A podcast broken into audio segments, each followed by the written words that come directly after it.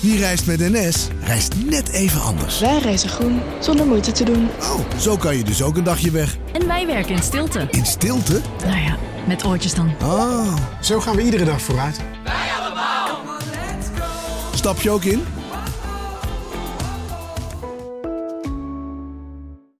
Een maatschappij waarin iedereen meedoet. Een gezonde, groene en rechtvaardige wereld.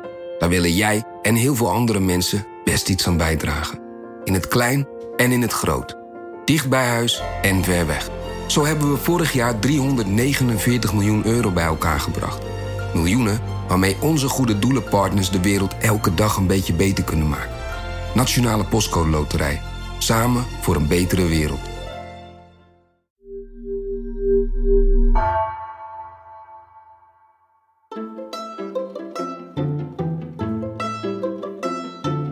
Welkom.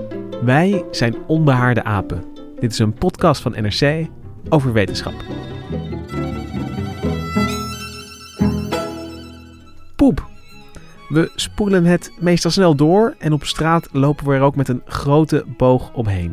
En dat is ergens wel jammer, want wie beter kijkt vindt in een drol of keutel duizenden kleine beestjes, bacteriën, schimmels, virussen.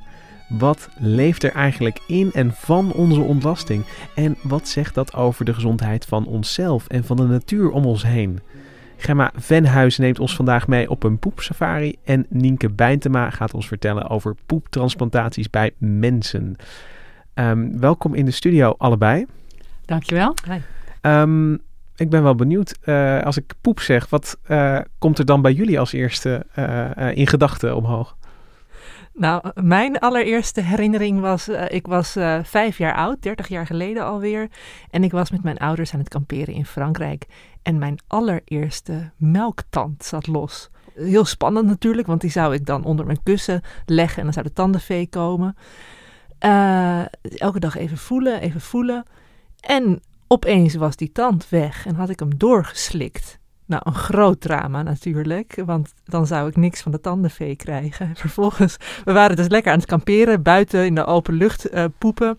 Heeft mijn vader elke dag met een stokje in mijn poep zitten vroeten om te zien of mijn tan- tandje alweer eh, gevonden was. En op de derde dag was het raak en had hij echt een helemaal ja, half verteerd tandje nog eh, uit de drol gevist en schoongespoeld in de rivier. En eh, die heb ik nog aan de tandenvee gegeven. Maar je, kon- je kon dus zien dat, die, eh, dat het glazuur wat was aangetast. Ja, door- ja, ja ik, ik ik heb nog eventjes deze herinnering bij mijn vader gefactcheckt. En het was inderdaad zoals ik me herinnerde. En hij, hij zei dat hij zelf het meest onder de indruk was van hoe sterk die tand was aangetast eigenlijk in die paar dagen Ja. in mijn binnenste. Ja, vooral in je maag, denk ik. Het zuur van je maag. En Nienke? Eh, ja, mijn eh, fascinatie eh, voor poep en al wat daarin leeft. Ik denk dat het vooral een boost kreeg toen ik een jaar of 15 geleden alweer ehm, wekelijks nieuwsberichten mocht schrijven voor de Gut Flora Foundation. En dat was een, is een kennisstichting die de kennis over eh, wat er allemaal in de darmen leeft wil promoten. En dit was eigenlijk voordat we daar nog heel veel van wisten. Dit was echt op het voorfront van de wetenschap. Dus dat voelde heel spannend om daar iedere week de nieuwste kennis over te mogen opdiepen. En toen realiseerde ik me voor het eerst dat eigenlijk we in onze darmen meer bacteriën met ons meedragen dan cellen in ons hele lichaam. En dat die bacteriën heel erg belangrijk zijn voor onze gezondheid. Voor hoe, hoe slank en gezond en zelfs hoe slim we zijn. En ze sturen zelfs ons gedrag. Dus dat, eh, sinds die tijd ben ik daar heel erg op gespitst geweest om daar meer over te leren. Ik, ik vind het wel eventjes, als je dat bedenkt, dat ehm, eh, we, we zitten hier met z'n drieën in de studio, maar dat we eigenlijk allemaal meer bacterie dan, dan mens zijn. Als je het zo bekijkt, gewoon hè, een- de cellen tellen, zeg maar, gewoon een, een, eh, eh, een volkstelling van eh, de cellen in deze studio, dan zou je gemiddeld zeggen dat hier vooral heel veel bacteriën zitten. Dus Toch Klopt. een heel gezellig idee eigenlijk. Ja, zo. wij zijn in de minderheid. ja, toch, eh, toch een indrukwekkende eh, gedachte. Ehm, en ik, ik heb zelf ook een dergelijke herinnering, eh Nienke, want ik eh, eh, zat op stage in Heidelberg. En ik deed daar bioinformatica. En wat toen ook echt, dat is ook al langer dan tien jaar geleden, wat helemaal hot was, was metagenomics. En dat was dus ja, eh, niet eh, losse bacteriën eh, bekijken, daar het DNA van bekijken, maar gewoon van een hele ja, soepbacteriën. Eh, en eh, ehm, nou ja, de, de poep was daarvoor heel geschikt, want dat was zo divers. Dan hoefde je niet precies te weten waar je naar zocht, maar je kon gewoon alles in één keer dat DNA bepalen en, en weer bij elkaar puzzelen. En eh, de, de, de vakgroep in het vakje naast me, die was daar altijd eh, die was flink aan het scoren met publicaties daarover. Dat was echt, Dat was toen ook nieuw, hè? ja, Wat- dat was helemaal booming. Ja, Dat was echt, eh, en eh, ik, ik weet nog dat de groepsleider daarvan zegt van ja, er is nu zoveel laaghangend fruit en we gaan het allemaal plukken. Dat Ja. was echt een beetje de, de instelling om daarvan eh, van te leren. En dat allemaal, dat valt allemaal onder de scatologie, toch? De ontlastingskunde. Ik moet eerlijk zeggen dat ik dat woord nog nooit eh, gehoord had, Gemma. Dat, eh, Scatologie, dat is Ja. echt eh, voor de- de- deze dag voor het eerst. ja, bijna als schatgraven is het toch? En eh, de, ehm, dat komt dan ook van scat, wat het Engels is voor, voor dierenpoep, Ja, dat- als je het eh, aantreft. Ehm, als je het aantreft, en dat zeg ik Gemma, omdat ik weet dat jij behoorlijk wat eh, dierenpoep hebt eh, bekeken onlangs. Jij bent eh, ja, op een soort poepsafari gegaan, zou ik het wel kunnen, omschrijving. kunnen zeggen. Zeker. Ja, vertel. Ja, ik eh, ben samen met Jeroen Helmer van eh Ark Natuurontwikkeling ben ik naar de Millingerwaard gegaan, een natuurgebied ten oosten van Nijmegen. En ehm, hij kan ontzettend mooi tekenen. Als je ooit een poepillustratie wil bekijken, kijk dan naar zijn poepzoekplaat die hij gemaakt heeft. Want hij heeft dus heel nauwkeurig eigenlijk ge- getekend van wat er allemaal in en om paardenvijgen en koeienvlaaien leeft. Nou, eh, die heb je in de Millingerwaard volop. Dat was oorspronkelijk een landbouwgebied, maar de afgelopen decennia is het omgevormd tot natuurgebied. En ehm, ja, net ten zuiden van de Waal. En er lopen nu allemaal koninkpaarden en Galloway-runderen. En ja, die laten her en wel eens wat vallen. Nou, dit vanaf hier was één grote, platte, agrarische pannenkoek. Tot aan, tot aan het eerstvolgende dorp toe. Dus alles wat je nou ziet aan, aan begroeiing, is allemaal jonger dan 20, 30 jaar. Zo. Nou ja, en wij waren natuurlijk er specifiek op uit om wat paardenvijgen en koeienvlaaien te vinden. En die hadden we al vrij snel gevonden. Oh, kijk, we komen hier al meteen. Wat... Ja, dus, eh dus eh, paarden. Ja, en het zijn koninkpaarden dan Koninkpaarden, hier. ja. Dan, eh, oh, er is daar wel, er komt een boot af en toe. Deze is eh. vers, die is, die is ouder, hè, dus die begint al te vervagen. Mhm. Hoe lang ligt dit er al? Dat ligt denk ik een, een, eh, een weekje of zo. Dit Ja. is net 1, 2 dagen. Dat, 2, eh, 3, 2, 3 dagen. nou, dat is een forse productie. Maar het gaat heel snel. Dat, Ja. eh, ja, en dan hier staan wij hier bij Ja, een, dan barst de wildernis los. ja, bij een hele hoop poep. Zo, Ja. jij, jij noemt het mooi een latrine. Dit is een Dat latrine. ja, dus Hengstenlatrine. Dus, dus, dus met name langs paden zie je dat veel gebeuren. Dat hengsten poepen daar. Komt de volgende hengst aan, die ruikt er aan. En die denkt van, nou, dat kan ik beter of zo. Ik weet niet. En die poept er overheen. En zo blijft dat. het is een wedstrijdje. Ja, een wedstrijdje eh, eh, eh, ja, poepen. En ze ruiken daar. Dus voor hun is het een boek, hè. Ze lezen die poep van die ander. En daarmee ruiken ze wat de gesteldheid is van dat, van dat dier. Hoe hoog de hormoonspiegel is. En wat er zijn testosteron Oh, ja. is. Dus een soort territorium En of die, of die- afbakenen ja, ook en of die, of die Ja. zwak is of sterk. Dat kunnen ze allemaal ruiken aan die poep. Ja, wij... we ruiken, we, we ruiken gewoon paard. Ja. Verder, verder niet zoveel anders. Nee, wat- Ja, ik hoor wel, eh, jullie waren gebiologeerd, zoals dat dan heet, door, door poep. Maar waar komt eh, die, die fascinatie van Jeroen vandaan? Waarom zo eh, geïnteresseerd in poep? Nou, bij ARK hebben ze eh, op dit moment een project, Poep moet leven. En ehm, daarin gaat het eigenlijk over de, de biodiversiteit van poep. Dus poep zorgt natuurlijk enerzijds ook voor de vruchtbaarheid van de grond. Hè? Het is, eh, ja, alle voedingsstoffen die erin zitten, die zijn vervolgens weer heel belangrijk voor de bodem. Dat is het- gewoon het principe achter mest eigenlijk ook. Gewoon de, de- Ja, precies. Ja. De voedingsstoffen die er nog in zitten, die kunnen ook weer opgenomen worden door planten. En dat houdt de aarde vruchtbaar. Zeker, zeker.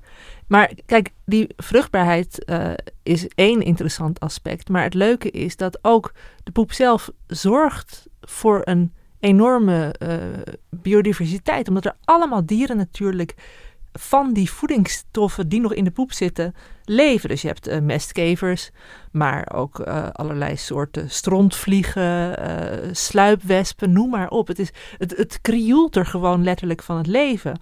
En ook op al die kleinere insecten komen weer grotere dieren af. De poepeter-predatoren, zoals Jeroen Helmer ze noemt. Dus denk aan eh, dassen die even lekker op zoek zijn naar lekkere keverlarven. Maar nog even terug naar dat project, want bij eh Poep Moet Leven zijn ze ook bezig om te kijken naar de invloed van ontwormingsmiddelen. Want je hebt natuurlijk hè, al die grote grazers die daar lopen. In de Millingerwaard zijn die eigenlijk vrij natuurlijk. Ze zitten daar jaar rond en ze eten wat de pot schaft. Maar in heel veel natuurgebieden heb je dan uh, vee dat een deel van het jaar binnen staat en dan weer buiten. En dat vaak ook behandeld wordt met bijvoorbeeld ontwormingsmiddelen. En wat nu blijkt is dat die middelen ontzettend schadelijk kunnen zijn voor die poepbiodiversiteit. Dus um, zeg maar als er ergens een, een uh, vijg of een fly ligt, dan kunnen de middelen nog wekenlang, maandenlang doorwerken en dus uh, ja, die insectenrijkdom op afstand houden. Als je in de hardcore landbouwgebieden komt, dan zie je echt een, een fractie van wat er mogelijk is op uh, in het poepleven. Het blijkt erg belangrijk te zijn dat die poep ook wordt omgezet. Ja, ook ja. voor de boeren, hè, dat, dat de mest gewoon weer wordt omgezet en wordt beschikbaar, die voedingsstoffen weer beschikbaar komen voor de vegetatie. Voor Precies, poep moet leven ja. om, het ook, om de ondergrond vruchtbaar te houden en. Uh, ja. En om, En- om alles af te breken. Ja, en waar, ze vooral, waar vooral eh, eh, de gevoeligheid zit, zit in de, in de ontwormingsmiddelen die vaak eh, ook preventief gewoon worden toegediend. Om te voorkomen dat, eh, dat dieren een, een, eh, een worminfectie of een, een par- een darmparasieten kunnen krijgen. Ja, dus dan heb je het over de grazers, dat de, de Ja. runderen en de paarden die blijven dan Ja. eh, parasietvrij Vrij. dankzij die middelen. Ja, Maar die middelen komen in de poep terecht. En en dat insecten weer, gaan er ook en insecten gaan er dood aan. ja, dus Ja. poep moet leven, maar dan, dan leeft poep niet Niet meer, meer, als er te ja. veel van dat soort middelen in Ja. zitten. En geldt dat eigenlijk ook voor de antibiotica die ons, onze weidevee ook altijd standaard krijgen? Wa- Wat, zit er ook zoveel in koeienvlaaien in het gemiddelde boerenland? Ja, er zit al die stoffen, ehm, antibiotica, ontwormingsmiddelen en zo, die komen op verschillende plekken in verschillende hoeveelheden voor. Natuurlijk in de Millingerwaard, wat ik zeg, eh, ja, is het een vrij natuurlijke situatie, maar op heel veel andere plekken zul je dat wel degelijk kunnen terugvinden. En op dit moment hebben Helmer en collega's dan echt specifiek naar die ontwormingsmiddelen gekeken, maar er is natuurlijk eigenlijk een heel veel grotere of bredere groep van allerhande eh, niet-natuurlijke stoffen terug te vinden, die ook een invloed hebben, niet alleen in de poep, maar ook weer, eh, hè, denk aan bestrijdingsmiddelen die op planten komen en zo weer eh, worden opgegeten en worden uitgepo- uitgepoept. Oké, maar die biodiversiteit die je aantreft in de poep in de Middelingerwaard is misschien wel veel groter dan in die natte fletsen die je op zo'n biljartlaken van de boer tegenkomt. Ja, dat, Omdat eh, het wat natuurlijker koeien zijn, dat bedoel ik Ja, eigenlijk. op die manier. Ja, Ja. Nee, dat, eh, ja en de, de hele omgeving, die. Kijk, in, in die omgeving leeft ook al best wel veel natuurlijk in de Millingerwaard. En je zei al, Gemma, dat er poep moet leven, wordt hier nog een keer gezegd. En je zegt ook al dat er heel veel eh ja, leven ehm, op afkomt. Dat eh, in die poep zelf en in de, ik ne- neem aan de voedingsstoffen die daar nog in zitten, die daar ja, nog wat aan hebben. Ehm, is het daar, eh, Jeroen Helmer en Ark dan ook vooral om te doen? Om ja, die, directe poepconsumenten, zeg maar? Deels, die, die, die vormen echt een deel van het verhaal. Want als je breder kijkt, ik noemde net al even dat mooie woord poepeter-predatoren. Ehm, dan zijn er natuurlijk ook bijvoorbeeld allemaal vogels en eh, eh, allemaal roofdieren die op die insecten afkomen. Als je wel eens naar een koeienvlei kijkt, dan zitten er soms allemaal wat grovere gaatjes. Hebben jullie er een beeld bij als ik het daarover begin? Dat zijn dan Ik echt zie Nien- Nienke knikken, maar ik, Ja. eh, ik Nou, kijk je even vragen Je moet duidelijk toch eens eh, door het weiland gaan lopen. Zeker bij wat, wat meer ingedroogde koeienvlaaien die er al wat langer liggen. Er zitten soms wat kleine, nou zeg, eh, weet ik veel, een paar millimeter brede gaatjes. En het leuke aan Jeroen Helmer was dat hij ook meteen kon zeggen... oh, dit is waarschijnlijk gemaakt door een lijster... want dat kan ik zien aan de snavelvorm en de snavelgrootte. Terwijl een kraai die in de poep op zoek gaat, gaat eh, naar larven... die laat weer heel andere sporen. Die maakt er veel meer een rommeltje van. En eh, dus als je een, een, een vogel bezig ziet in, in, in poep, eh, in een vijg, dan is, het, is, het, is die vogel op zoek naar insecten. Ja, dat, dat kun je wel zeggen. En datzelfde geldt dus bijvoorbeeld ook voor dassen of vossen. En, ehm, Het schijnt dat dassen echt een koeienvlaai die al een beetje is ingedroogd, dat ze die met hun hand echt omdraaien om lekker even naar die vochtige onderkant te kijken. ja, nou, het was ook echt overal waar dassen hadden gelopen, dat, er was er eigenlijk niks meer over. Dan kun je dat heel duidelijk zien. Dan heeft hij er een enorme troep van gemaakt. Oh, hier zie je. Oh, Ja, we- of niet? ja, Ja, het vers. worden wordt natuurlijk onderbroken. Hier, Nee. dit- is dit een vossendrol of niet? Ja, dat is een vaste trol. Vaak ligt hij ook op de poep van de, van de grazers, hè? want heeft hij een Oh, mooi ja. markeringspunt. Dus we zitten hier eh, koeienvlaai, Ja. vossendrol, En hier is uit paardenvijgen. elkaar gehaalde paardenvijgen, door de, waarschijnlijk door das. Ik denk dat dit door das is gebeurd. Dan ziet het zo... En op zoek naar de larven. Hè? Ah, dus die, ja, die dassen die denken van, oh, dit is ook een lekker tafeltje, dekje. Er ja, zit precies. Hier van en wat ze niet in de gaten hebben zelf, is dat ze meewerken aan het verspreiden van de voedingsstoffen. Dus, de, dus over een groter oppervlak worden de voedingsstoffen weer verdeeld. Ik, ik bedenk me dus nu, nu, nu Helmer dat zegt, dat je dus eigenlijk, het is ook een soort ja, verdelingsvraagstuk dus. Eh, dus de, de, de, de, de- een groot dier heeft zeg maar al voorwerk eh, gedaan en eh, veel planten eh, eh, gegeten en voor een deel verteerd. Maar dat wordt dan daarna nog eens uitgesmeerd eigenlijk. Ja, het is, het is een- iedereen werkt samen om het eigenlijk over het landschap eh, eh, uit te spreiden. Hè? En enerzijds, kijk, als wij aan poepverspreiding ehm, denken, dan denken we toch al vaak misschien aan van die mestkevers die bolletjes poep voor zich uitduwen. Dat, helaas hebben we in Nederland niet van dat soort pillendraaiende mestkevers, zo worden die genoemd. Eh, maar wij hebben dan wel weer de tunnelaars en de zwervers. En dat zijn ook wel mestkevers die in en om de poep actief zijn. Uh, maar tegelijkertijd zijn er natuurlijk inderdaad ook weer gewoon de, de, de, de dassen en, uh, en de vogels die hun steentje bijdragen. Dus die nemen eigenlijk de voedingsstoffen en de biomassa weer mee in een veel groter gebied. Zeker, ja. En als je het hebt over die, uh, die beestjes die in de poep leven, je, je noemt heel veel kevers. Is dat nou een, een, een groep insecten die zich ja, bijzonder goed leent door hun uh, vorm of, of uh, gedrag voor poep? Of, of vind je er nog, nog uh, andere insectengroepen ook in terug? Nou, er zijn natuurlijk diverse insecten die hebben zich echt gespecialiseerd daarin. En um, dat hoor je terug in de naam. Strontvliegen en mestkevers. Ja, ik bedoel, het laat zich raden waar die voor, voorkomen.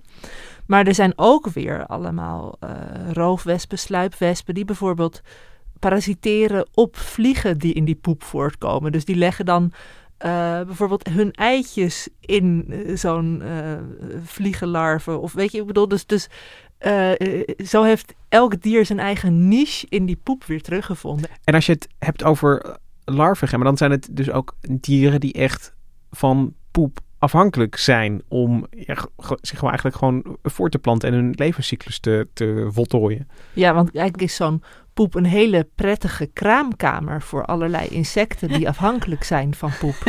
poep als kraamkamer, dat vind ik ja. echt een hele mooie gedachte. En, en dan is het omdat je uh, voedsel om je heen. Uh... Ja, lekker warm, beschut. Uh, nou ja, tot er dan opeens inderdaad een das met zijn grote klauwen of een nieuwsgierige NRC-journalist met een stokje in de poep gaat prikken. Want dat gebeurde daar in de Millingerwaard. nou, Jeroen Helmer zei dat hij normaal ge gesproken de poep zoveel mogelijk met rust laat, maar voor de podcast wilde hij wel even een uitzondering maken. Ja. Even, dit is... Uh... Dit is rund. Oh ja. Ik heb er eens een er zitten er gewoon 200 van die larven in, weet je wel. Zo. Ja, dat moet ik ook aan het treffen. Er kunnen in zo'n, in één vlaai of in één paardenhoop kunnen duizenden veldmestkevers zitten. Maar het is ook een beetje een soort uh, verrassings... Uh, hoe noem je dat? Surprise-ei? Of wat ja, je... je weet nooit wat je krijgt. nee. Precies. Dus, uh, dan gaan we even... Hier, deze is helemaal uit elkaar gehaald. Zie je? Oh ja, de, deze. De das en de kraaien hebben hier uh, flink huis gehouden. Op zoek naar de larven. Ja, dan zouden ze er nog in moeten zijn. Nou, ik wil ook even met een stokje ja, erin. Even, het ziet er zo aantrekkelijk uit om even gewoon een beetje... Okay. Bij latrine wordt ook altijd een stokje. Oeh, nou, dit is hier heel rijk aan vliegjes in ieder ja. geval. Dus ja, dat is misschien een goed teken. Sorry larven, als ik jullie rust verstoor. Dat gebeurt wel wat. Oh. Goed kijken. Oh ja. ja die, nou, die, de, de, de, ja, dat zijn wel kleine mesvliegjes. Maar de, de larven, die zijn vaak, of de, en vooral ook de, de volwassen kevers, die zijn vaak heel snel weg. Oeps. Ik moet even oppassen dat ik het niet allemaal over jou heen Ja, kan. lekker. Uh, Dit, moet je kijken hoe luchtig dit is. Het is helemaal geprepareerd. Ja, een soort mousse, een soort ja, chocolademousse. Ja, het is gewoon een soufflé, hè? een beetje een soort soufflé-achtige structuur. Ja. Maar uh, geen larven. Nee, Sorry. Hele harde Nou, we gaan nog even verder op uh, poepjacht. Ja. En die, uh, ja, die mousse, die uh, soufflé, waar Helmer het hier over, over heeft. Je, je, je, zei al, van, van het, is een, het is een prettige kraamkamer als je een larf of een made bent. Um, maar wat, wat is het in, in die poep wat, um, ja, wat, wat er nog in zit, waar uh, dieren nog wat aan, aan hebben? Nou ja, het gaat hier dus heel specifiek om uh, grote grazerpoep, hè? die van die Galloways en uh, de koninkpaarden. En het hangt per dier af van wat, wat, wat, wat verteert hij, wat blijft er over. Maar grof gezegd kun je zeggen, grote grazers die poepen vezels uit of eh, cellulose. Maar tegelijkertijd zitten er ook heel veel bacteriën in. Wat, wat, wat is de temperatuur in zo'n net? eh, Ja, dat is altijd hoger dan de omgeving, hè? Ja, precies. Het, ziet Het er kan, wel, het kan wel tot, eh, tot 60 graden komen. eh, Echt waar? in Zo, als het net uit een Als paard het goed komt, broeit, zeg als maar. het goed broeit. Nee, nee dan, is het 30, dan is het 30, 40 Oh, graden. ja. Maar eh, het kan door broei, kan het, kan het hoge temperaturen veroorzaken. En dat is dan niet eens per se onder invloed van de zon, maar echt interne processen die Ja. voor die broei Ja, zorgen. bacteriën. Wauw. Het poep bestaat uit cellulose en eh bacteriesoep. En het Mhm. gaat de meeste beesten om die bacteriesoep. Dat, is, dat, Dat zijn de, dat zijn de voedingsmaterialen, de voedingsstoffen. leuk. Nee, die zie ik even niks.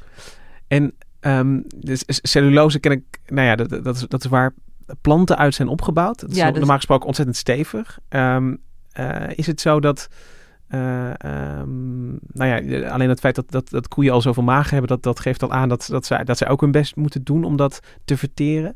En is dat dan, ik vraag me af, is dat dan het, ja, het voorwerk waar je dan eh, als, als insect nog van, van kan profiteren? Zitten, zitten daar nog ja, halfverteerde resten in die je nog, waar je nog energie uit kan halen? Ja, het is juist ook gewoon hè, wat jij zegt voor herkauwers met hun verschillende magen. Die eh, niet alleen dankzij alle sap, maar ook dankzij de bacterie, dan wordt het al zo half verteerd. En dan, daardoor komen de voedingsstoffen veel makkelijker beschikbaar ook eigenlijk. En daar profiteren al die poepeters van.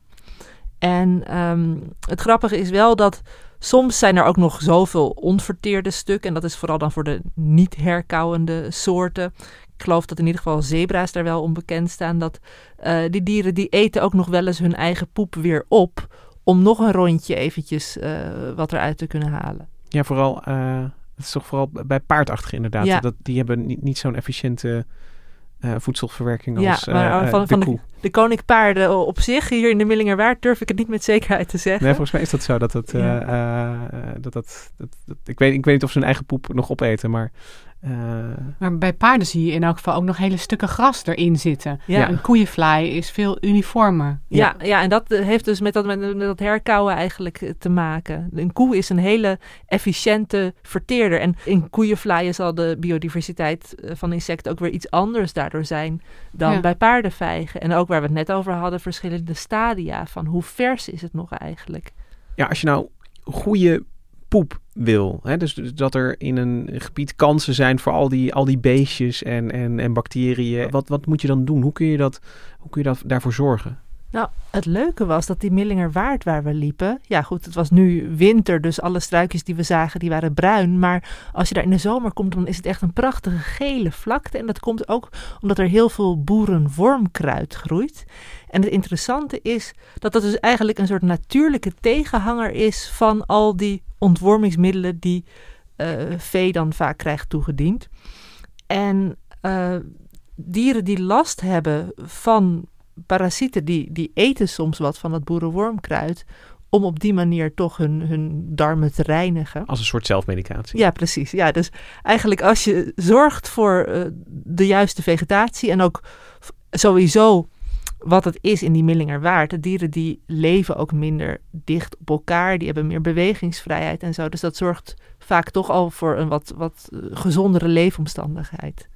En eh, is het zo dat, dat die paarden eh, van zichzelf niet zoveel natuurmedicijn eten als ze van de boer zouden krijgen? Dus- Dus dat er gewoon netto meer leven overblijft in al hun ontlasting. Ja, en ik denk ook dat het dat je kunt zeggen dat ze het vooral eten als ze het nodig hebben normaal. Weet je, ik bedoel dat dan.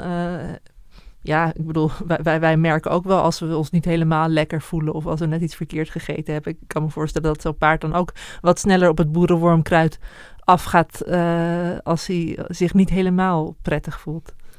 Ehm, hey, en dan ben ik nog benieuwd. We hebben het nu nou, over ja, veel, poep van, van planteneters eh, gehad. En een, eh, een paardenvijg is nog ja, ergens wel ja, mo- mooi droog. En inderdaad, er zit nog een beetje textuur in. Het voelt ook wat minder vies dan een eh, eh, koeienvlaai, zeg ik, zeg ik eerlijk. Maar is, is alle poep zo, zo geschikt voor leven? Of zijn er ook dieren die, die keutels en drollen achterlaten waar, ja, waar, waar je wat minder Waar je met hebt? een boog om, omheen loopt. Dat, Ja. eh, Misschien zelfs als, als mestkever hoor, maar dat...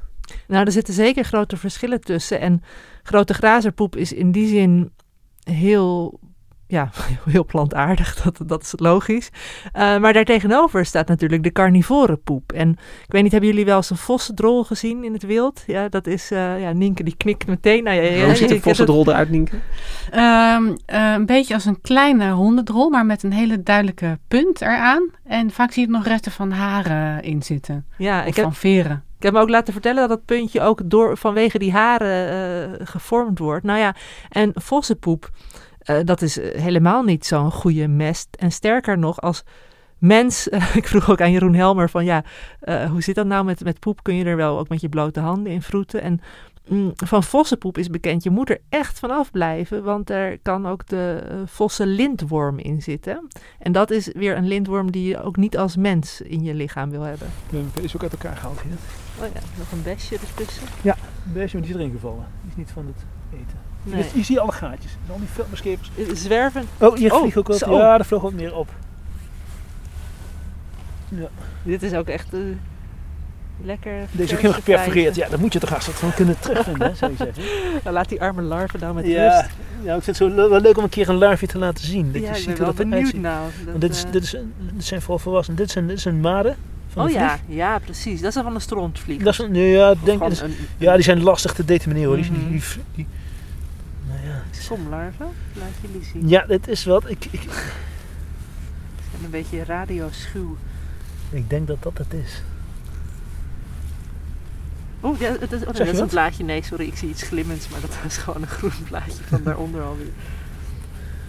Mm. Ja, het is lastig. Vaak zitten ze op de rand met de, de. Het is nu wel dat jij in paardenpoep eh vroet, dat is redelijk ongevaarlijk, maar mensen moeten niet in vossenpoep of zo gaan. eh, Nee, maar ook paardenpoep moet je toch goed je handen wassen ook hoor. Oké. Die is ja. ook weer een kleine mesvliegtuig. Oh ja, precies. Ja, kunnen we daar ziek van worden dan, van die plantaardige poep? Het is minder waarschijnlijk, maar eh, Jeroen Helmer die zei van, nou ja, neem gewoon het zekere voor het Ja. onzekere. Maar het is wel wat je vraagt, hè. ehm, bepaalde diergroepen zijn heel erg, of worden heel erg geassocieerd met ziektes die je via uitwerpselen kunt overbrengen. Ehm Ja, Hantavirus. Muizen en ratten, hè? Ja. Ja, en eh, nou ja, wat ik net noemde, die, die vossenlintworm ook. En ja, wat dat betreft eh, zit je dan toch met die, die paarden of de koeienpoep wel iets veiliger. Maar eh, ja, het is ook weer niet dat je per se zegt, neem eens een hapje. Nee. Dus ehm, roer in poep, maar wel met maat? Of doe, doe het een beetje... eh, Wa- wa- wa- was je handen, dat handen. sowieso. En zelfs al is het een, maar een paardenvijg of een koeienvlaai, ook dan is het wel wenselijk om eventjes je handen onder de kraan te houden na afloop. Ehm, Nienke, we horen hier heel veel over, over poep als, eh, voedingsbodem voor, eh, voor allerlei leven. Ook al een beetje over eh, nou ja, ziekmakers die er eventueel in zouden kunnen zitten. Ehm, ja, mensenpoep kennen we natuurlijk eigenlijk helemaal niet uit de- deze context. Want dat, ja, dat, dat spoelen we meestal toch, misschien na een hele korte inspectie, spoelen we toch gewoon door en dan verdwijnt het het riool in. Ja, precies. Dus mensenpoep heeft in die zin eigenlijk niet direct een functie in de natuur zoals dierenpoep dat heeft. Ehm, maar het is eigenlijk, mensenpoep is natuurlijk ook een ecosysteem op zich. En zeker ook als het nog in ons lichaam zit. Want dan kom je dus op al die darmbacteriën die daarin zitten. En die dus voor onze gezondheid hartstikke belangrijk zijn. Ehm, ik sprak daarover met een eh, internist van het Amsterdam UMC, Max Nieuwdorp heet hij. En hij eh, onderzoekt de rol van darmbacteriën in onze gezondheid. En hij had daar een heleboel interessants over te vertellen. Als je een gram van, eh, ja, van je ontlasting pakt, bij wijze van spreken, dan zit daar ongeveer de helft zitten bacteriën in. Een kwart is ongeveer schimmels en virussen. En de rest is eh, ja, onverteerde voedingsstoffen, eh, maar ook humane cellen. Dus het, het is een soort, maar het merendeel, de helft ongeveer, zijn echt bacteriën. Eh, maar dat is in, dus, in de poep die uiteindelijk uit je lichaam komt. Ja. Dit wil ik even toch om me in laten werken, Nienke. Ehm, een drol. Daarvan is, is de, eh, ik, in, in mijn hoofd eh, is dat eh, vooral ja, alle, alles waar we niet in geslaagd zijn om het te verteren. Ja, dat is dus helemaal niet zo. De, de helft van die drol, vertelt Max Nieuwdorp, bestaat dus uit die bacteriën. En dan hebben we het over massa. Ja, ja. En ook van de, wat je ziet in de pot. De helft van die, van die drol is dus, bestaat dus uit bacteriën. Een kwart bestaat uit virussen en schimmels. En pas dat laatste kwart, dat zijn onze onverteerde voedingsresten.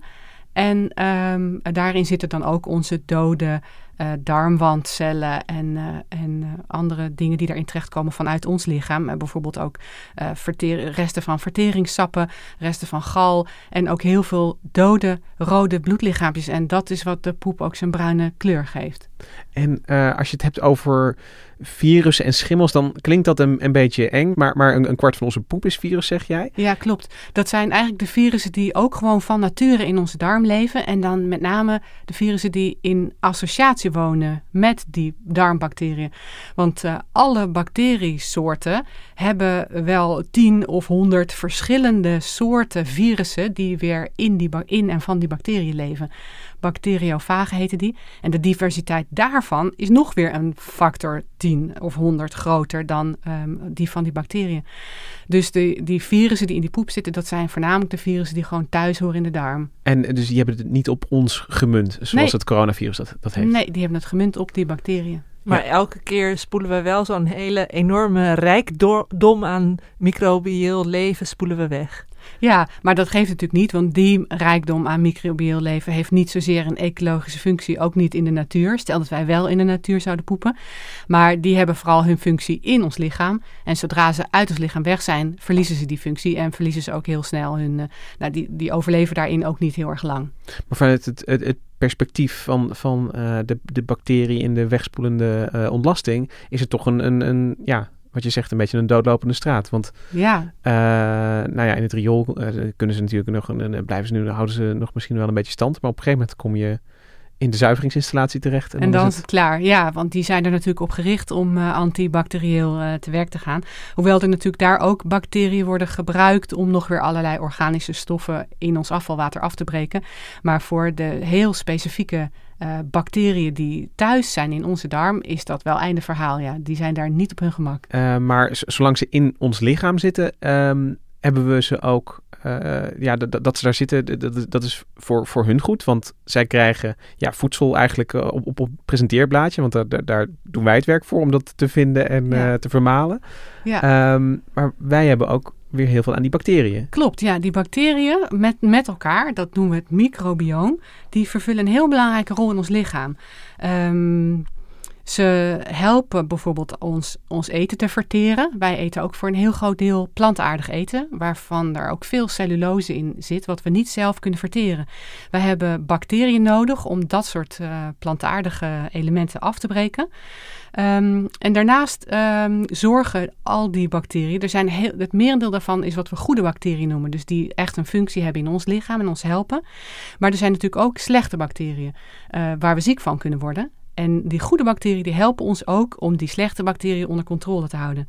Dus uh, dat, uh, die balans, die is heel erg belangrijk. En die goede bacteriën, die zorgen daarvoor. Is, is het gewoon puur een effect van, van dat die, die, die goede bacteriën daar, daar, daar zitten en uh, gewoon zo talrijk zijn dat er geen, geen kans is voor een, een slechte bacterie om daartussen te groeien? Is er geen plek? Of geen... Ja, het is deels een kwestie van concurrentie om ruimte en voeding. Maar ehm, volgens mij is het voor een heel groot deel ook de stoffen die die bacteriën uitscheiden. Daarmee beïnvloeden ze elkaar, hun eigen soortgenoten, maar ook andere bacteriën. Dus er is daar een, een ware veldslag gaande door middel van allerlei signaalstoffen die worden uitgescheiden. En die voor sommige soorten juist wel goed zijn en voor andere niet. Dus die zijn daarmee voortdurend een soort chemische oorlogsvoering aan het voeren in onze darm. En stel, we doen een gedachte-experiment en je hebt, je hebt daar geen bacteriën zitten in, in, in je darmen. Wat, uh, kun je dan iets zeggen over wat er dan zou gebeuren? Ja, dan gaan er allerlei dingen mis. Max Nieuwdorp had daar wel een interessante opmerking over. Dat zijn wel heel vroeger experimenten geweest met kinderen die in de jaren zeventig... Uh, ja, kiemvrij moesten blijven vanwege een hematologische ziekte. Ja, je ziet dat die toch echt ook wel problemen krijgen. Dus uh, problemen met de, met de afweer, met de, met de voeding. We hebben die bacteriën echt nodig. En ja, nou ja, in, in muizen is daar veel meer over bekend. Als die muizen geen bacteriën hebben, dan krijgen ze heel raar gedrag. Af, uh, afwijkende uh, lichaamssamenstelling, afwijkende botten. Dus je hebt die bacteriën echt nodig, ja. ja. Maar mijn gedachte-experiment is dus ook in, in werkelijkheid uitgevoerd, als ik het goed begrijp. Ik ja. er, zijn, uh, uh, er zijn kinderen geweest zonder, uh, of, of met in ieder geval weinig, of met een, een, een verarmde samenstelling van bacteriën in hun maagdarmstelsel. Klopt, en die hadden dus allerlei problemen, niet alleen met hun afweer, maar ook gewoon met de, met de samenstelling van hun lichaam. Uh, En wat wel interessant is, hè, want we hebben het nu over die onmisbaarheid van het microbioom voor mensen. Maar uh, er zijn andere diersoorten die wel degelijk zonder microbioom functioneren. En dat is bijvoorbeeld uh, heel goed onderzocht voor rupsen. En uh, de onderzoekers waren echt verrast, want die zeiden van ja, maar rupsen zijn toch eigenlijk net een soort uh, koeien. Uh, weet je, koeien hebben ook een microbioom. Waarom rupsen niet, terwijl ze ook heel veel blad eten?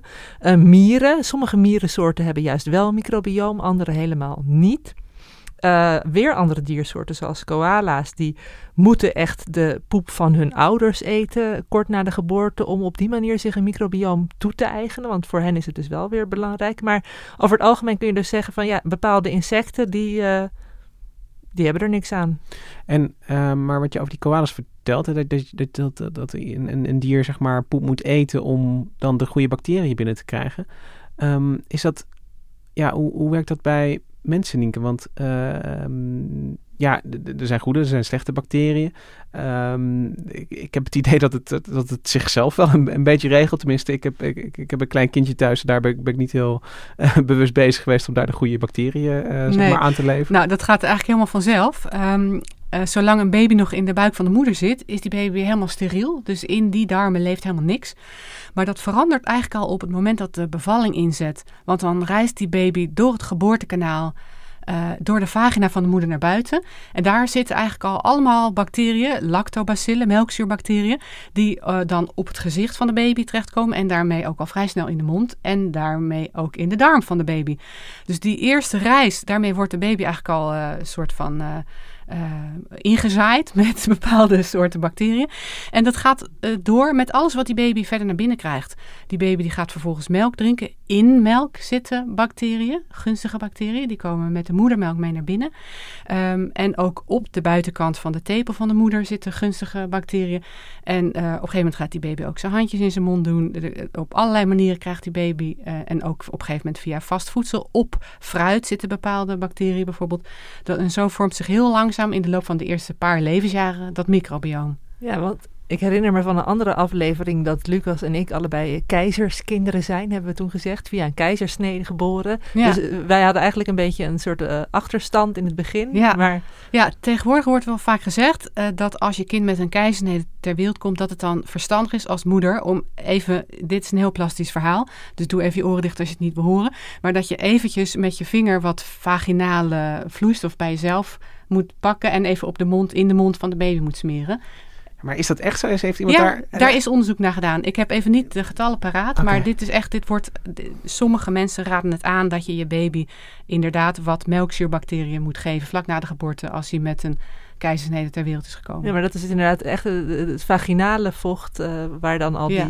Is, dat, Ja. is het dan de erfenis van het, van het microbioomonderzoek van al die uh, jaren, Nienke? Van, Ja, uh, dit is volgens mij allemaal vrij recent hoor. Dat wil zeggen, het laatste vijf à tien jaar zijn dit soort dingen bekend geworden. Ook dat van die borstvoeding, dat daar bacteriën in zitten en zo. Wat ook maar weer onderstreept wel het belang uh, van, van borstvoeding.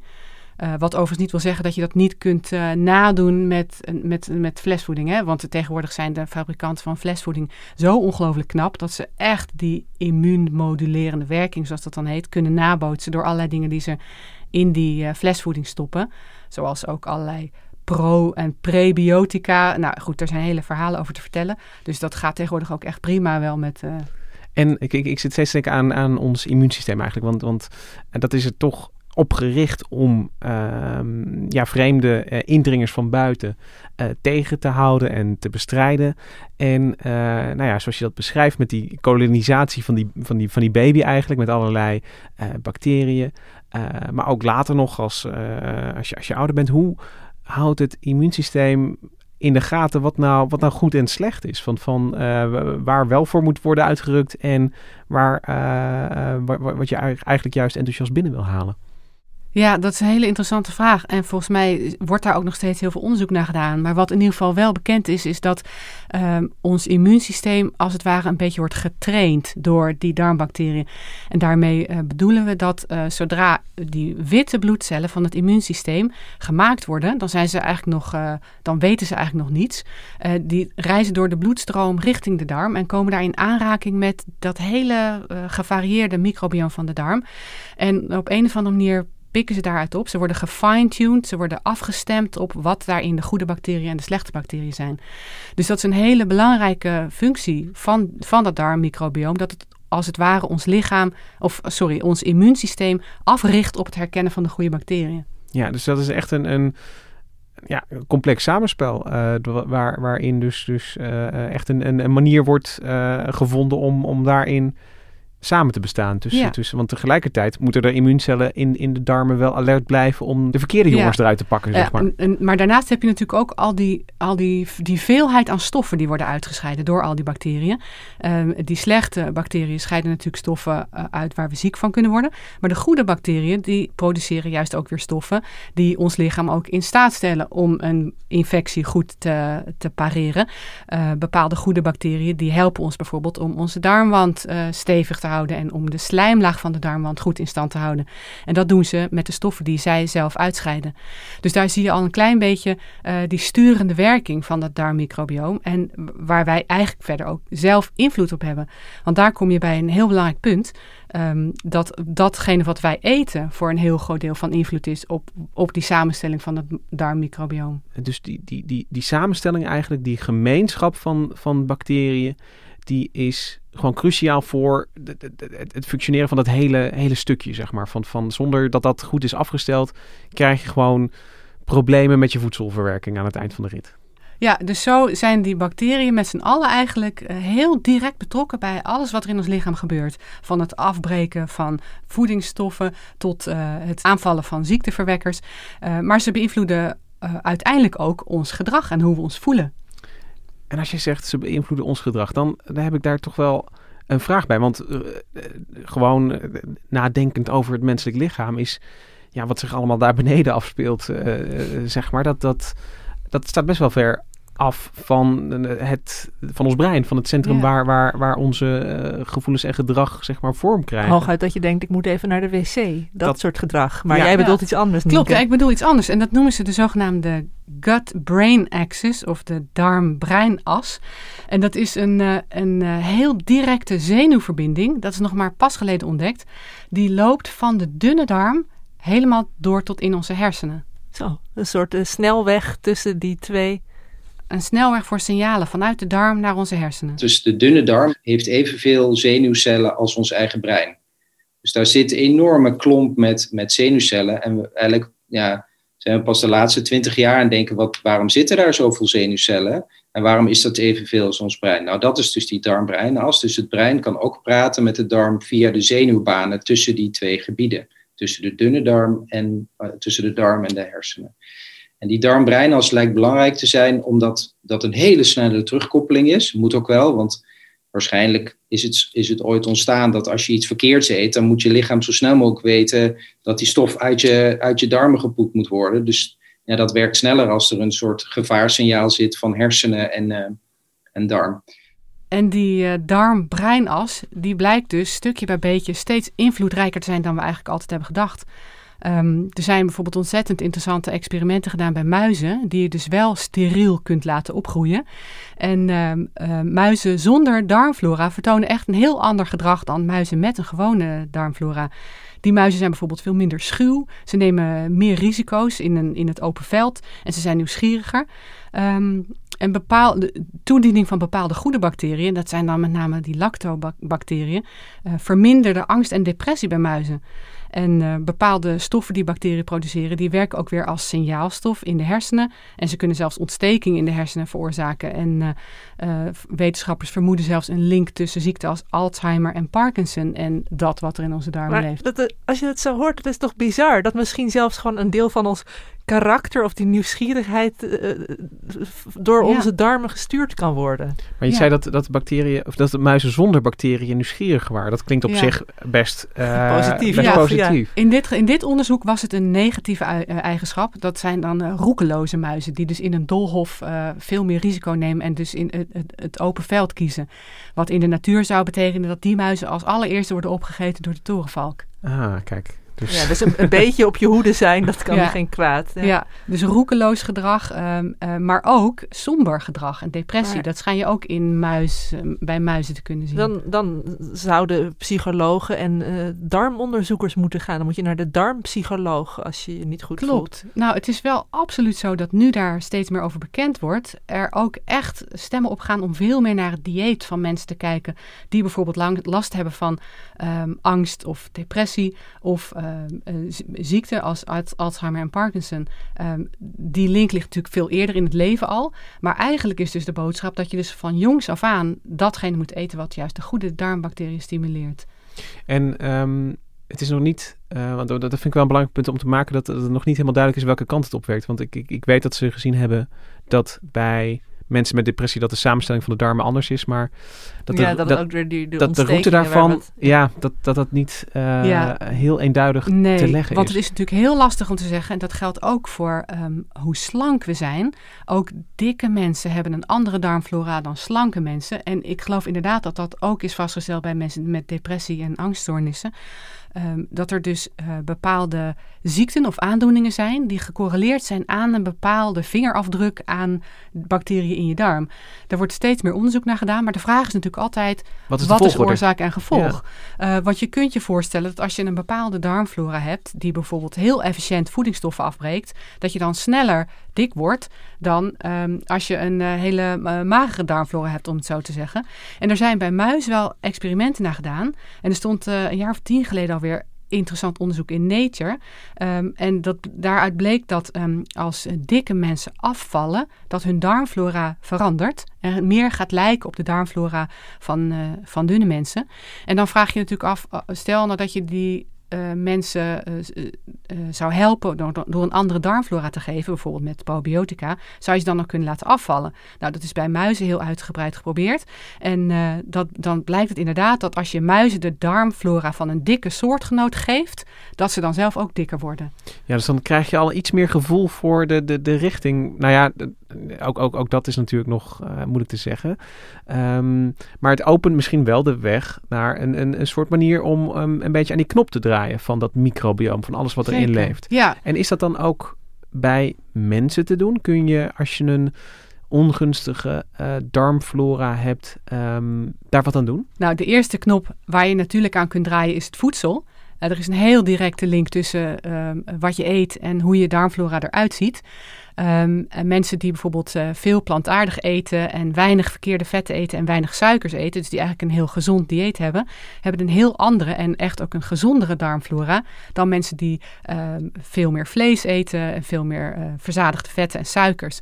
Dus die, je dieet heeft een heel, heel directe invloed op die darmflora en daarmee ook op je gezondheid. En een tweede knop waaraan wetenschappers graag willen draaien is, eh, ze willen graag ook heel direct die darmflora bij mensen ehm, veranderen. En dat kan door middel van zogeheten poeptransplantaties. En dat is iets waar Max Nieuwdorp ook ehm, onderzoek naar doet. En een poeptransplantatie, wat moet ik me daarbij voorstellen, Nienke? Want het klinkt, klinkt smerig, Ja. als ik heel eerlijk ben. Maar dat, dat, dat zal het ongetwijfeld niet Nou, zo je zijn hoeft, in je, klinische hoeft niet, setting. eh, je hoeft niet een bordje poep leeg te eten, gelukkig. Dat gaat heel anders. Ehm, zijn, eh, artsen nemen de ontlasting van een, een donor, een gezonde donor met een goede darmflora.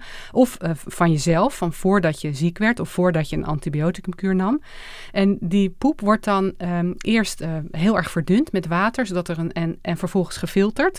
En wat er dan overblijft is een soort bruin sapje. Dat kan dan via een slangetje door je neus, door je maag, in je dikke darm, sorry, in je dunne darm worden gebracht. Dus het is niet zo dat je verse poep eh, ingebracht krijgt of zo. Dat wordt wel eerst van tevoren behandeld. De verse ontlasting komt binnen, wordt vermengd met, met, met een water, met saline. Dan heb je een oplossing en dan filter je daar eh, nou, de, de aantal stukjes. En dan krijg je een soort bruine oplossing waar bacteriën, maar ook dus die virussen, schimmels ehm, in zitten. En die sla je op. Je kunt ook eh, het eh, vriesdrogen, zoals we bijvoorbeeld uh, aardappelpuree gevriesdroogd in de supermarkt hebben. Dan, bescherm je, dan leven die bacteriën nog wel, maar ze zijn in winterslaap. Dat kun je ook doen. En al die dingen zijn we aan het uittesten. Want als we dat kunnen, kunnen we, zijn we niet afhankelijk van een poepdonor die op het moment, s ochtends, moet presteren om ons ontlasting te geven. Maar hebben we meer een, ja, een, een, een, poepbank als het ware, die we voor onderzoek kunnen gebruiken en voor patiëntenzorg. Ik, kan me voorstellen met alles wat we uh, de laatste jaren over het microbioom hebben geleerd, dat dit ook nog een, een vrij nieuwe techniek is, Nienke. Ja, het is super nieuw. Het wordt eigenlijk nog niet heel grootschalig toegepast. De enige, uh, voor zover ik weet, is de enige toepassing die echt in de kliniek al wordt gebruikt. Dat er mensen zijn met een uh, chronische diarree. Dat zijn met name wat, wat zwakkere ouderen met een verminderd immuunsysteem. Die kunnen soms echt maanden aan de diarree zijn, wat echt slopend is. Uh, vooral als dat een, uh, door een besmetting komt met een slechte bacterie, de Clostridium-bacterie, waar je heel moeilijk van afkomt. Bij deze mensen is er echt aangetoond, Nederlands onderzoek overigens, dat als je deze mensen doorspoelt, de darm leegmaakt en dan zo'n poeptransplantatie geeft met een gezonde darmflora van een gezonde donor, dat je dan 90% van die mensen meteen eigenlijk genezen hebt. Terwijl dat uh, met medicijnen geloof ik maar 20 tot 30 procent is. Het is dus echt een, een uh, rabiate, opgedwongen volksverhuizing in de darmen die je teweeg brengt met zo'n transplantatie. Ja, je vervangt dan eigenlijk echt uh, de darmflora. Nou, en ik hoorde ook wel, um, mijn moeder die heeft een chronische darmziekte, colitis ulcerosa, lijkt een beetje op de ziekte van Crohn. En dat ze ook in die hoek er al wel mee experimenteren. Klopt, dat is allemaal nog uh, op uh, onderzoeksniveau, dat wordt nog niet in de kliniek gedaan. Maar er zijn wel heel veelbelovende resultaten mee. Um, want ook daar blijkt inderdaad dat die darmflora een belangrijke rol speelt in dat soort ziekten. En los van wat nu oorzaak en gevolg is, schijn je de, dat uh, evenwicht van die darmflora echt een bepaalde kant op te kunnen duwen uh, door middel van zo'n poeptransplantatie. En het klinkt nog heel uh, grofmazig eigenlijk. Weet je, het, voelt een beetje um, als, als een. een ja, we weten niet precies uh, wat we uh, toevoegen, maar we hebben een gezonde donor. Dus, de, dus dat, ja, dat, dat zal wel Klopt. een goede darmflora zijn. Dus dat, dat brengen we helemaal in.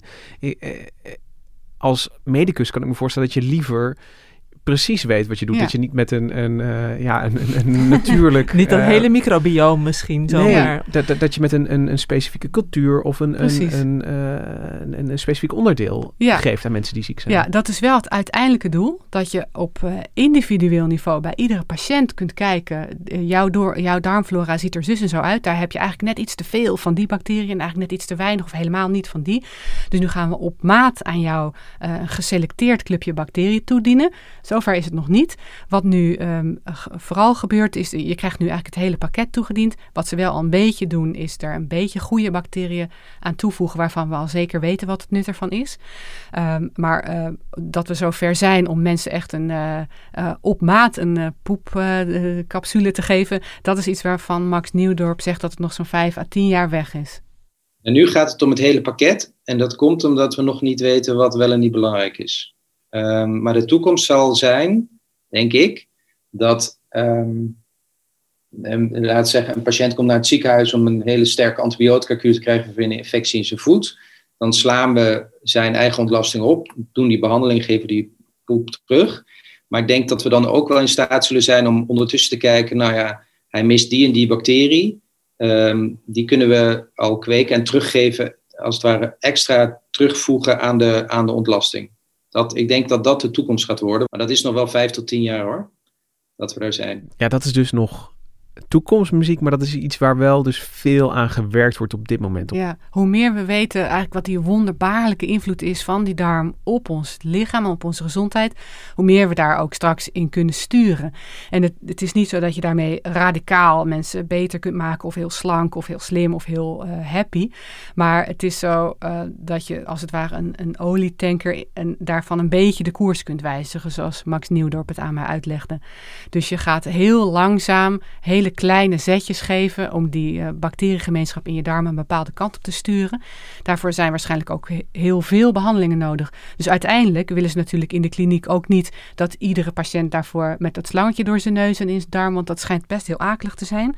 Maar uiteindelijk willen ze dit natuurlijk kunnen toedienen in een soort van cap capsule met een soort uh, gelatine omhulsel, waardoor die capsule ongeschonden door je maag heen komt en pas in je darm open gaat. Soms ook echt pas in je dikke darm.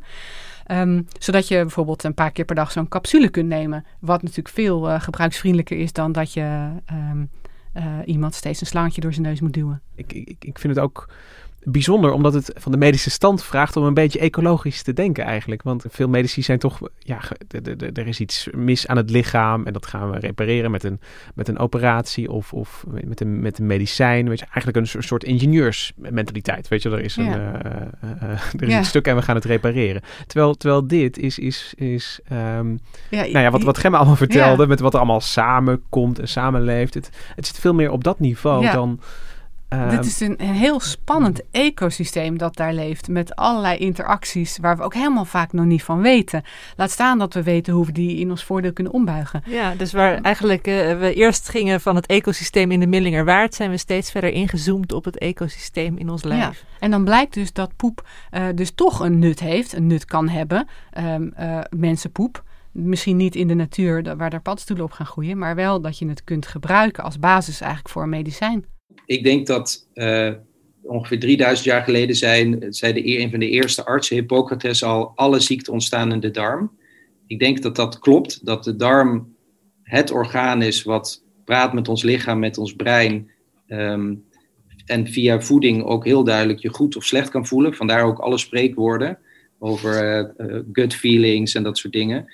Dus ja, de kracht van de darm zit dat daar, daar zit gezondheid en ziekte zeker in. Dus ja, die is denk ik best groot. Zouden we nog beter kunnen zorgen voor onze poep? Eh, als je je microbioom zeg maar wil, wil verwennen en het de goede kant op, op, op wil duwen, mo- mo- moet je dan meteen eh, eh, dure yoghurtjes gaan kopen? Of, of, Nee, nee, die dure yoghurtjes, dat is voor een heel groot deel ook onzin, hè? Want heel veel van die bacteriën gaan gewoon dood in je maag.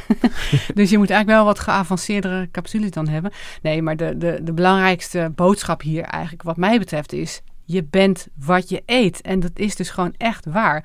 Dat wat jij eet, en dan niet even op een woensdagmiddag, maar gewoon je altijd, jarenlang, jouw hele voedingspatroon, heeft een ongelofelijke invloed op wat er leeft in jouw darm. En daarmee ook op jouw gezondheid, je immuunsysteem, je hersens, je gedrag, hoe je je voelt.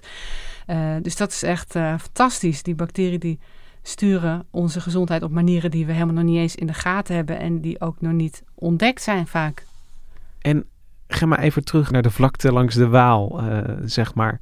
Ons microbioom, dat, dat komt dus op, op al die aspecten van ons eigen leven zo, zo terug. En ik vroeg me af of je dat eigenlijk ook voor dieren zou kunnen stellen. Dus is poep ook belangrijk voor, voor een beest? Oh ja, ik, ik, ik, ik kan nog uren doorpraten over alle voordelen van dierenpoep. Poep. Maar ik wil nog heel graag even het feitje met jullie delen over de vierkante keutels van de wombat. Jullie kennen wel de wombat, die leuke Australische Buideldier? Eh, ja, he- heel, heel aaibaar zien ze eruit. Maar die hebben dus eh, vrij eh, kubusvormige keutels. Het heeft met hun darmperistaltiek te maken. En dat is heel handig, want daardoor kunnen ze een, een ehm, hoopje leggen wat, wat niet wegrolt, zeg maar. En dat is dan ook weer als een soort signaal naar andere wombats wordt dat gebruikt. Net zoals die latrines waar we bij de reportage met Jeroen Helmer al van hoorden. Dus ja, eh, geur, eh, nou ja, het opeten hebben we ook al over gehad. Mensen die gebruiken dierenpoep ook weer als, als bouwstof eh, soms zelfs, als energiebron. ehm, Als brandstof. als ja, brandstof ja, inderdaad. Zelfs als, als koffie. Hè. Kennen jullie die civetkatten die dan soms eh, eh, koffiebonen opeten en uitpoepen. En dat daar dan weer hele dure koffie van wordt gezet. Dus ja, de, de, de mogelijkheden met dierenpoep zijn eindeloos. En eh, even helemaal terug naar, want dat- die hebben me toch wel getroffen, Gemma, die, die, die kleine kevertjes die hun hele bestaan, eh, zeg maar, ophangen aan, aan de poep en, en, en, en het opgroeien in poep. Heb je, heb je die nog gevonden? Ja, het is, uiteindelijk was het na heel lang prikken met een stokje toch een happy end. Oh yes, ja. loopt wat. T- maar hier en daar, Dat is een en daar toch ook op de bodem. Dit zijn keverlarven. Ja, Ja, daar oh, hebben ze te mooi. Dit zijn ook keverlarven. Fantastisch zeg. Oh, zo'n bruin kopje, zo'n wittig lijfje. Oh, ze zijn wel groot ook. Ja, Dus ze zeker nou, ruim een centimeter lang, denk ja ik. z- zeker. En die, zijn, eh, en die zijn veel groter dan de, dan de Oh, je maakt even een even foto. een plaatje. Dus ze bestaan, moet ik even zeggen.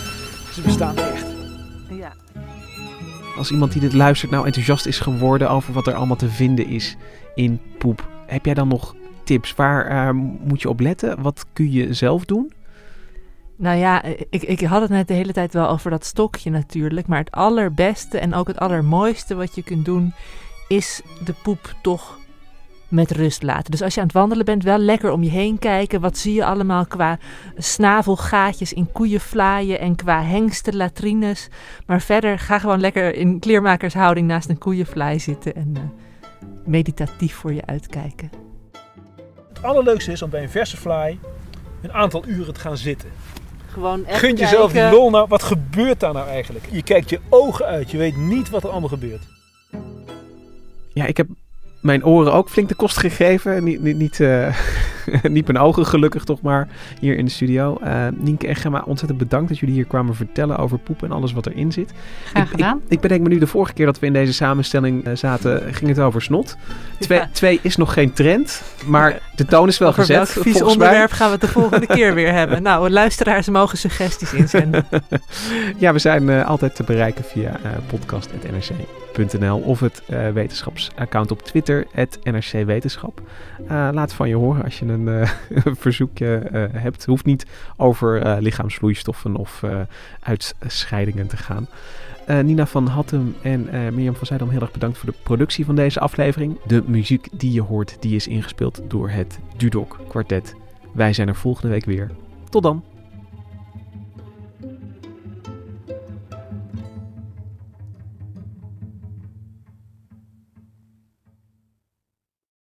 De financiële markten zijn veranderd, maar de toekomst, die staat vast. We zijn in transitie naar een klimaatneutrale economie. Dit biedt een van de grootste investeringskansen van onze generatie. Een kans voor u om mee te groeien met de pioniers van morgen. Meer weten? Ga naar carbonequity.com. Carbon Equity. Do good by investing better.